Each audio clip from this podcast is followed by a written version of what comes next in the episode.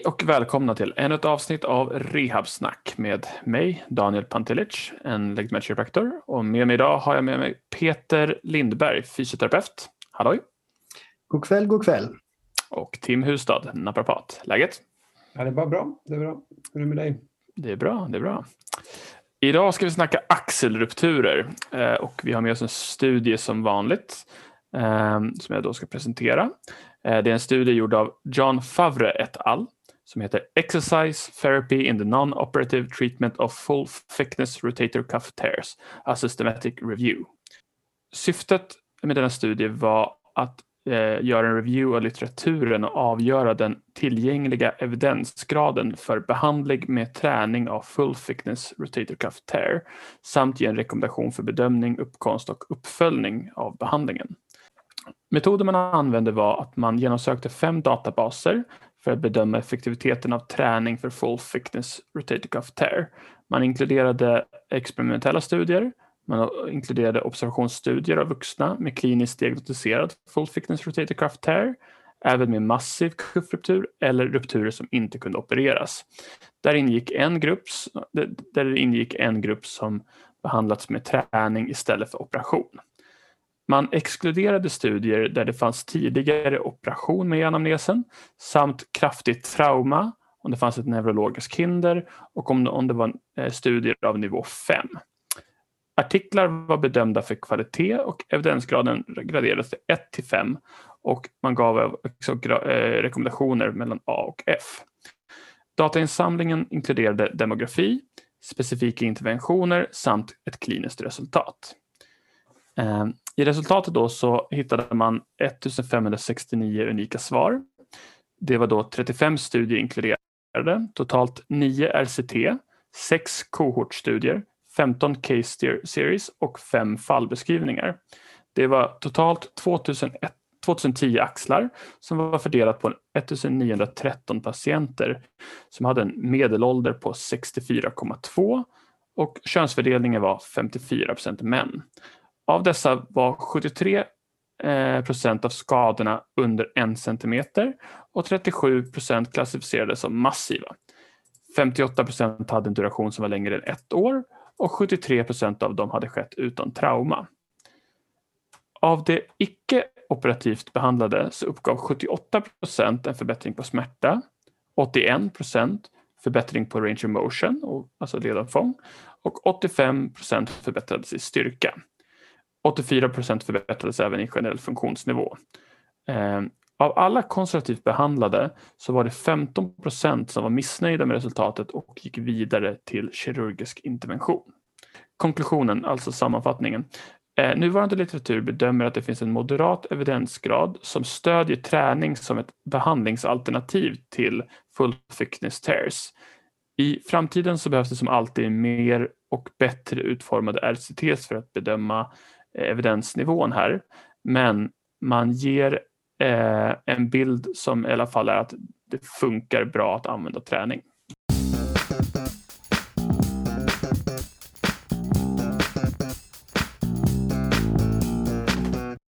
Vad säger ni om resultatet och den här studien då? Jag kan börja med dig Peter. Mm. Eh, snyggt eh, sammanfattat Daniel. Mycket siffror. Ja, och det är så med många av de här systematiska reviews och metaanalyser att det kan vara ganska mycket text ibland och den här och förra som vi hade om Frozen Shoulder var ju eh, rätt maffigt med text. Eh, så det är en hel del att gå igenom. Eh, men det jag kan börja med att säga kring den här artikeln är att jag tycker att det ändå är positivt att en väldigt stor andel av eh, deltagarna förbättrades med konservativ behandling. Och det var ju runt 85 procent som ändå eh, fick förbättringar och var nöjda med den konservativa behandlingen. Då. Eh, för jag tänker att annars, om man inte kan så mycket om det och man får reda på att man har en total senruptur i axeln, att det, det kan vara logiskt att tänka att det krävs en operation, att man behöver sy tillbaka senan för att liksom förbättras gällande funktion, styrka och, och symptomlindring också.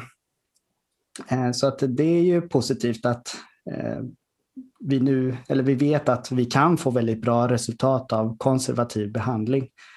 Att det kanske inte alltid behövs operation. Mm.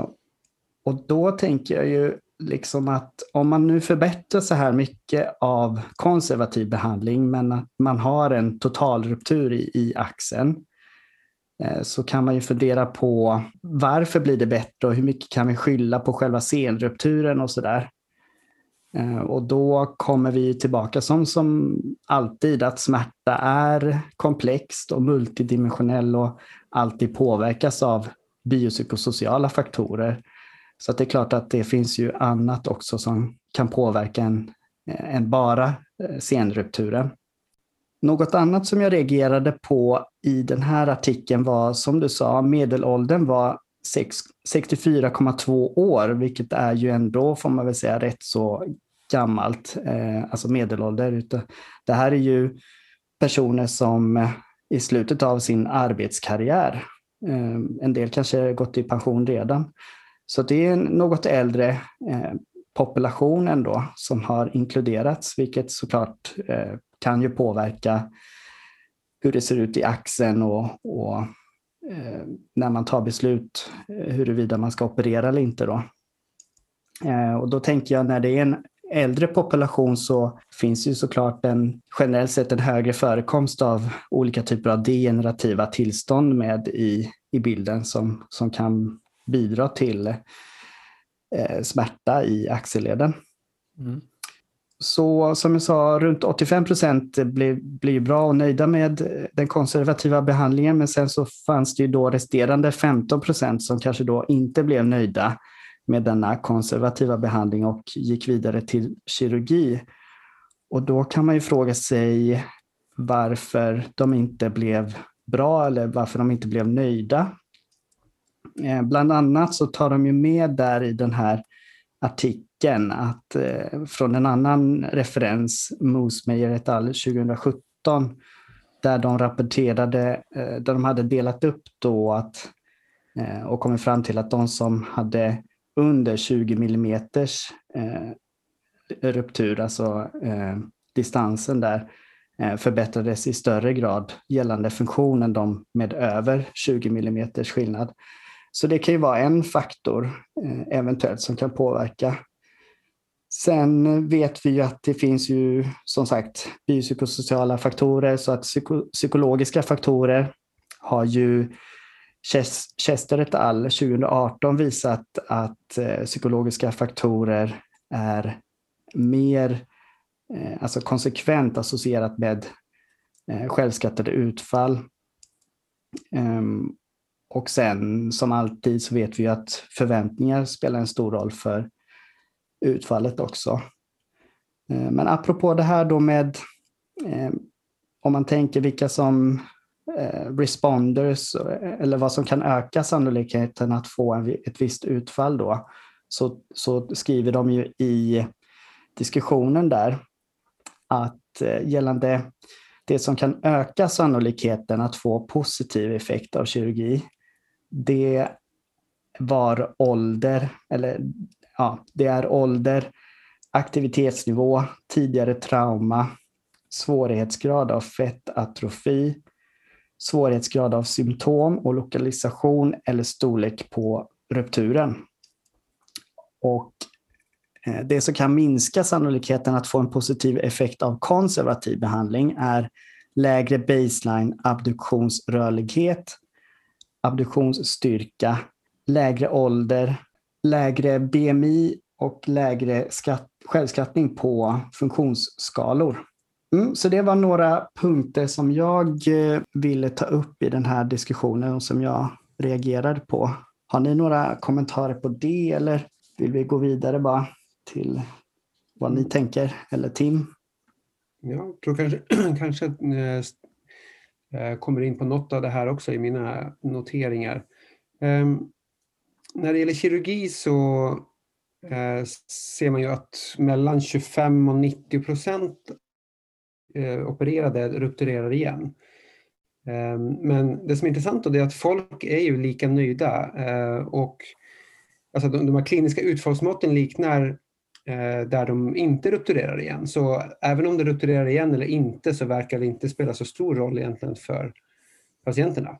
Eh, och vilket då stod i studien här att det leder till att endast 5% av patienterna över 60 år eh, i 2010 blev opererade för det här. Så det är ju inte, det verkar inte vara en sån väldigt eh, eh överdriven operationsfrekvens på detta ändå. Eh, kirurgi för de som redan har provat träning ändrar inte utfallsmåttet. Eh, det vill säga att eh, om man börjar med träning och sen tar kirurgi också eh, så blir de inte ännu bättre av att operera i tillägg. Så det pekar ju också på att träning är bra som en första intervention och kanske den enda man behöver. Lite grann om träning så vi vet att det finns ingen liksom, konsensus eller gold standard program som man ska följa. Så, där. Eh, så det, ja, man får nog köra det programmet man kanske kör för andra saker också eh, för Axel. Eh, eller bara prova sig fram eller hitta det som står beskrivet i case reports eller sånt i, inom forskningsvärlden. Träning är effektivt både för smärtreduktion och range of motion och styrka och funktion. Så det, träning är bra för de här patienterna.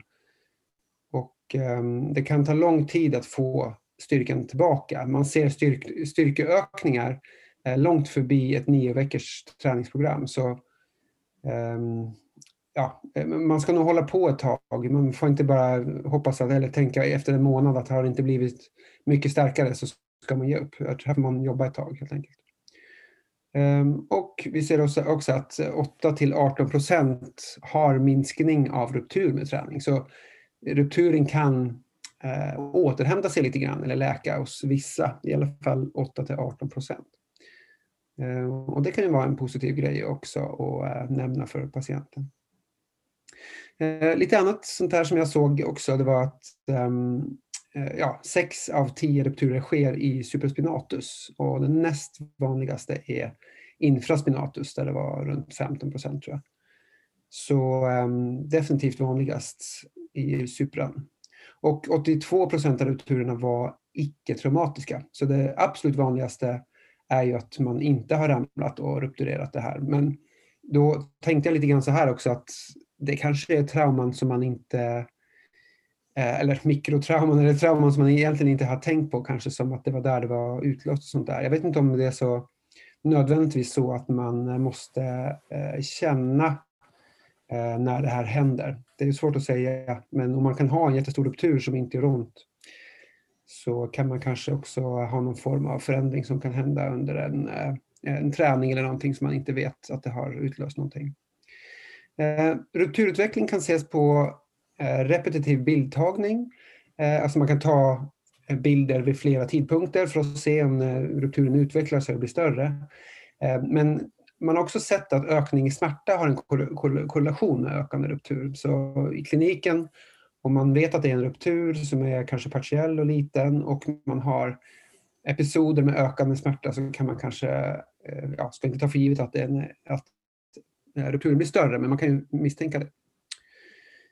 Sen så var det någonting på kortison här. Eh, de två studierna som jämförde fysioterapi både med och utan kortison då, eh, rekommenderade eh, båda studier en kombination, så både fysio och eh, kortison. De två studierna då, som jämförde det. Och, men det var endast kliniskt relevanta förändringar på kort sikt. Så en till tre månader typ kunde man se förändringar eller positiva förändringar med, med kortisonet. Och det är väl så som det brukar vara med kortisonet på de flesta tillstånd skulle jag säga.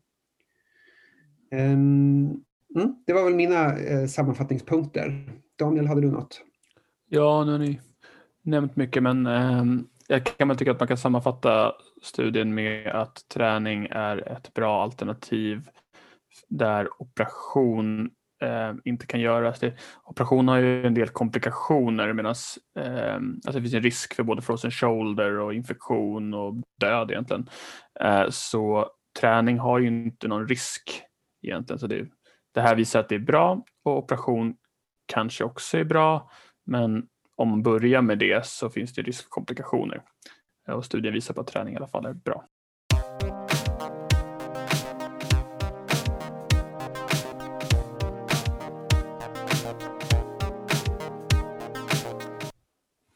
Ja, det kan vara bra att nämna bara eh, det här med vad de hade för komponenter i rehabiliteringen och träningsterapin i de här inkluderade studierna. Och då var det i första hand rörlighetsträning, mobilitet och stretchingövningar, styrketräning, olika typer av modaliteter, vilket jag tolkar är till exempel TENS, stötvågsbehandling, dry needling eller liknande. Eh, sen var det också läkemedel, injektioner, postural eller skapulär stabiliseringsträning och utbildning om patofysiologin kring rotatorkuffsruptur, hur träning kan hjälpa och målet med rehabilitering. Så det kan vara bra att känna till. Okej, men då går vi vidare till kliniska implikationen här då. Vad vi tar med oss från den här artikeln och eh, hur vi implementerar det i praktiken. Vad säger du Daniel?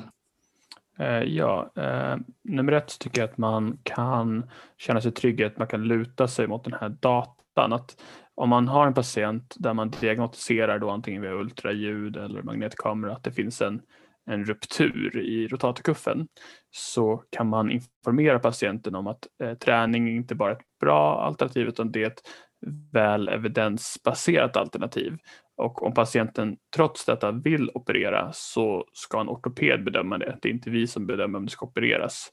Men att man ska informera den att det, det ortopeden kan göra är sätta kortison och att den kan operera. Och om man inte vill operera fast den så är träning ett, ett mycket väl eh, underbyggt eh, behandlingsalternativ. Eh, de flesta ortopeder kräver mellan tre och sex månader med rehab innan man gör någonting och de vill ju helst inte operera patienter som är eh, äldre än 60 år. Som då Tim nämnde det, att det var ju bara 5% av dem som blev opererade. Och det kan också vara värt att informera patienten om innan man skriver en remiss eftersom man eh, och även att risken för rerupturer inom ett år, eh, litteraturen säger lite olika men man brukar säga mellan 40 och 60 procent Eh, Eh, får en reruptur efter en sutur inom ett år. Eh, och utöver då risk och nytta för patienten så bör man även ta hänsyn, hänsyn till vårdkostnaden för det operativa alternativet jämfört med att då träna. Det är ganska dyrt, eh, hela processen kring en operation jämfört med att bara ge träning. sen så kan man ju då tänka också, vi pratar mycket om det här med folk som är över 60 år, men men, men vilka patienter bör kanske opereras och vilka bör inte opereras? Och, eh, man kan väl säga att yngre patienter som har till exempel ramlat och dragit av rotatorkuffen eller en handbollsspelare som har fått eh, en smäll i ett visst läge med axeln som drar av sig subscapularis eller supran. Eh, där så är ju effekten av en operation ibland ganska bra och då gäller det att vara lite snabb för att det finns en risk att senan drar ihop sig, en så kallad retraktion. Och då blir ju prognosen sämre för att operation ska hjälpa bättre. Ehm, så att är de äldre så kanske man ska informera väldigt tydligt att träning är ett lika bra alternativ nästan som operation. Och är de yngre och det är traumatiskt utlöst, de är, de är aktiva, så kan ju operation vara ett alternativ som man bör rekommendera. Ehm, så det är väl lite så som jag tänker. Hur tänker du Tim? Mm, jo, eh, tänker väldigt mycket i samma, i samma mm, gatorna. Eh, jag träffar ju inte allra mest kanske 70-plussare och sånt här i, i, min praktik ska jag säga, men eh, där, alltså man träffar ju en del under året där man misstänker rupturer och man, ehm, eh, ja, jag skulle säga att det, jag tror inte att den här studien egentligen kommer förändra så väldigt mycket hur jag gör i praktiken för att jag vet inte vart jag har plockat upp det här men eh, det, var, det är väl ungefär så här jag har tänkt runt det här tror jag ganska länge. Men um, det var vissa saker kanske som stack ut lite grann. Det var ju det här, uh, eller som kanske ger lite mer säkerhet i vissa situationer och det är ju att uh, om inte resultaten ser bra ut liksom efter sex veckor eller till och med nio veckor så kanske man inte ska ge upp eller tänka mig direkt att oj, borde den här opereras? Eller alltså den där osäkerheten som kryper in när det inte går så fort som man hoppas på. Det tror jag kanske att det var skönt att veta att eh, man får ha lite is i magen helt enkelt med de här Um, och sen var det väl, det som var bra var att få en form av trygghet i att, alltså det här, det här bara ytterligare förstärkte det, att man behöver inte sitta och fundera för mycket på operation. Om det är lite mer degenerativt, eh, lite äldre person och allt det här så, så, så borde man helt, helt enkelt eh, få dem igång och, och träna. Så inte så många förändringar men, men känner mig starkare i min sak eh, när jag pratar med patienten kanske. Peter? Mm. Nej, men jag håller helt med er båda där. Um, och det som du sa alldeles nyss då Tim, det här, jag tar med mig att jag kan känna mig tryggare och bli stärkt i att eh, använda just eh, konservativ behandling och rehabilitering som förstahandsbehandling för patienter med eh, total rotatorkuffsruptur såvida det inte finns starka indikationer till att en operation skulle vara bra eh, i ett tidigare skede. Men jag håller med om att det är viktigt då att komma ihåg att det kan ta tid med rehabiliteringen och ge det en chans och vara noggrann med dosering och compliance som alltid eh, såklart. Mm. Ehm, som vanligt så gäller det ju för mig och för oss kliniker att alltid såklart utgå ifrån personen som man har framför sig. Att se hela patientbilden och tänka på vad evidensen säger, väga för och nackdelar och vid behov ta hjälp av en ortoped för ytterligare en bedömning om det skulle behövas. Mm. Så tänker jag. Ja, låter bra. Ehm, jag tänkte jag skulle tillägga också här, det här är ju en vanlig patientgrupp hos mig som gör mycket ultraljud där jag får remisser till mig från diverse rehabmottagningar eller det egna patienter och man, om man hittar rupturer av olika grad så behöver patienten få till sig information vad det faktiskt är. Eh, och man har testat lite olika sätt att förklara det på men det finns en förklaringsmodell som jag tänker att jag ska dela med mig för att jag tycker att det funkar bra. Och det är att jag brukar förklara för patienten först vad en sena är, att det, att det inte är en muskel utan att det är själva kraftöverföringen, spandet som ett, eh, en kamrem i ett bil. Att muskeln är som en motor som bränner energi och, och driver att den drar ihop sig. Och senan mest för över den kraften till skelettet. Och varje rotatorkuffsena kan egentligen eh, liknas vid en arm på en bläckfisk och att det sitter som en, en bläckfisk från skulderbladet och håller i axelkulan för att hålla den på plats kan man säga. Och varje sån här tentakel är eh, ganska platt. Och om en av dem går över så finns det fortfarande många Eh, tentakler kvar för att hålla i kulan. Och även om allt skulle gå sönder och alla skulle gå av så skulle fortfarande andra lager med muskler ta över den här funktionen. Men att man, man är inte körd för att en tentakel gick av eller till och med två utan det går ganska bra att klara sig med en halvdan rotatorkuff så länge den är stark nog. Och förklarar man det på det här viset så har jag märkt att patienter inte vill opereras lika ofta som när man sa att okej, okay, den här har gått av, vi kan testa träna den. För att det verkar ologiskt för en patient att eh, det går inte att träna någonting som har gått av. Men när de förstår att tanken är att man ska kompensera rupturen med annat och att resultatet är likvärdigt med operation så är det många som väljer det för de vill inte sövas och opereras. Mm. Det där tror jag är en guldkorn, eh, eller väldigt viktigt att ta med sig i det kliniska. Mm. mm. Snyggt Daniel.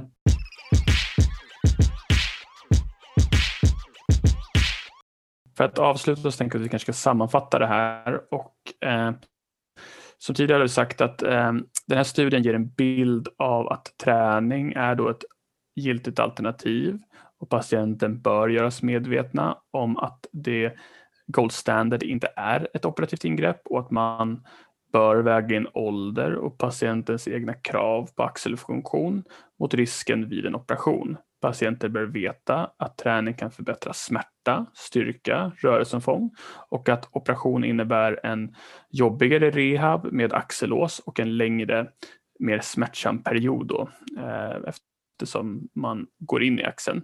Man bör också veta att av eh, kvinnor som gör den här operationen så är det mellan 12 och 15 procent som utvecklar frozen shoulder och bland män är det ungefär 8 procent som utvecklar frozen shoulder. Eh, någonting man bör ha med sig när man då pratar om träning eller operation den här studien ger ju oss stöd för att träning är ett minst lika bra alternativ. Snyggt sammanfattat. Yes. Bra. Känner vi oss eh, nöjda? Ja, Ja, absolut. Ja. Men då får vi tacka alla som lyssnar. Ses och två veckor. tacka, precis, och tacka för ikväll. Tack för ikväll. Ha det gött. Ha det bra grabbar. Hej! Tja!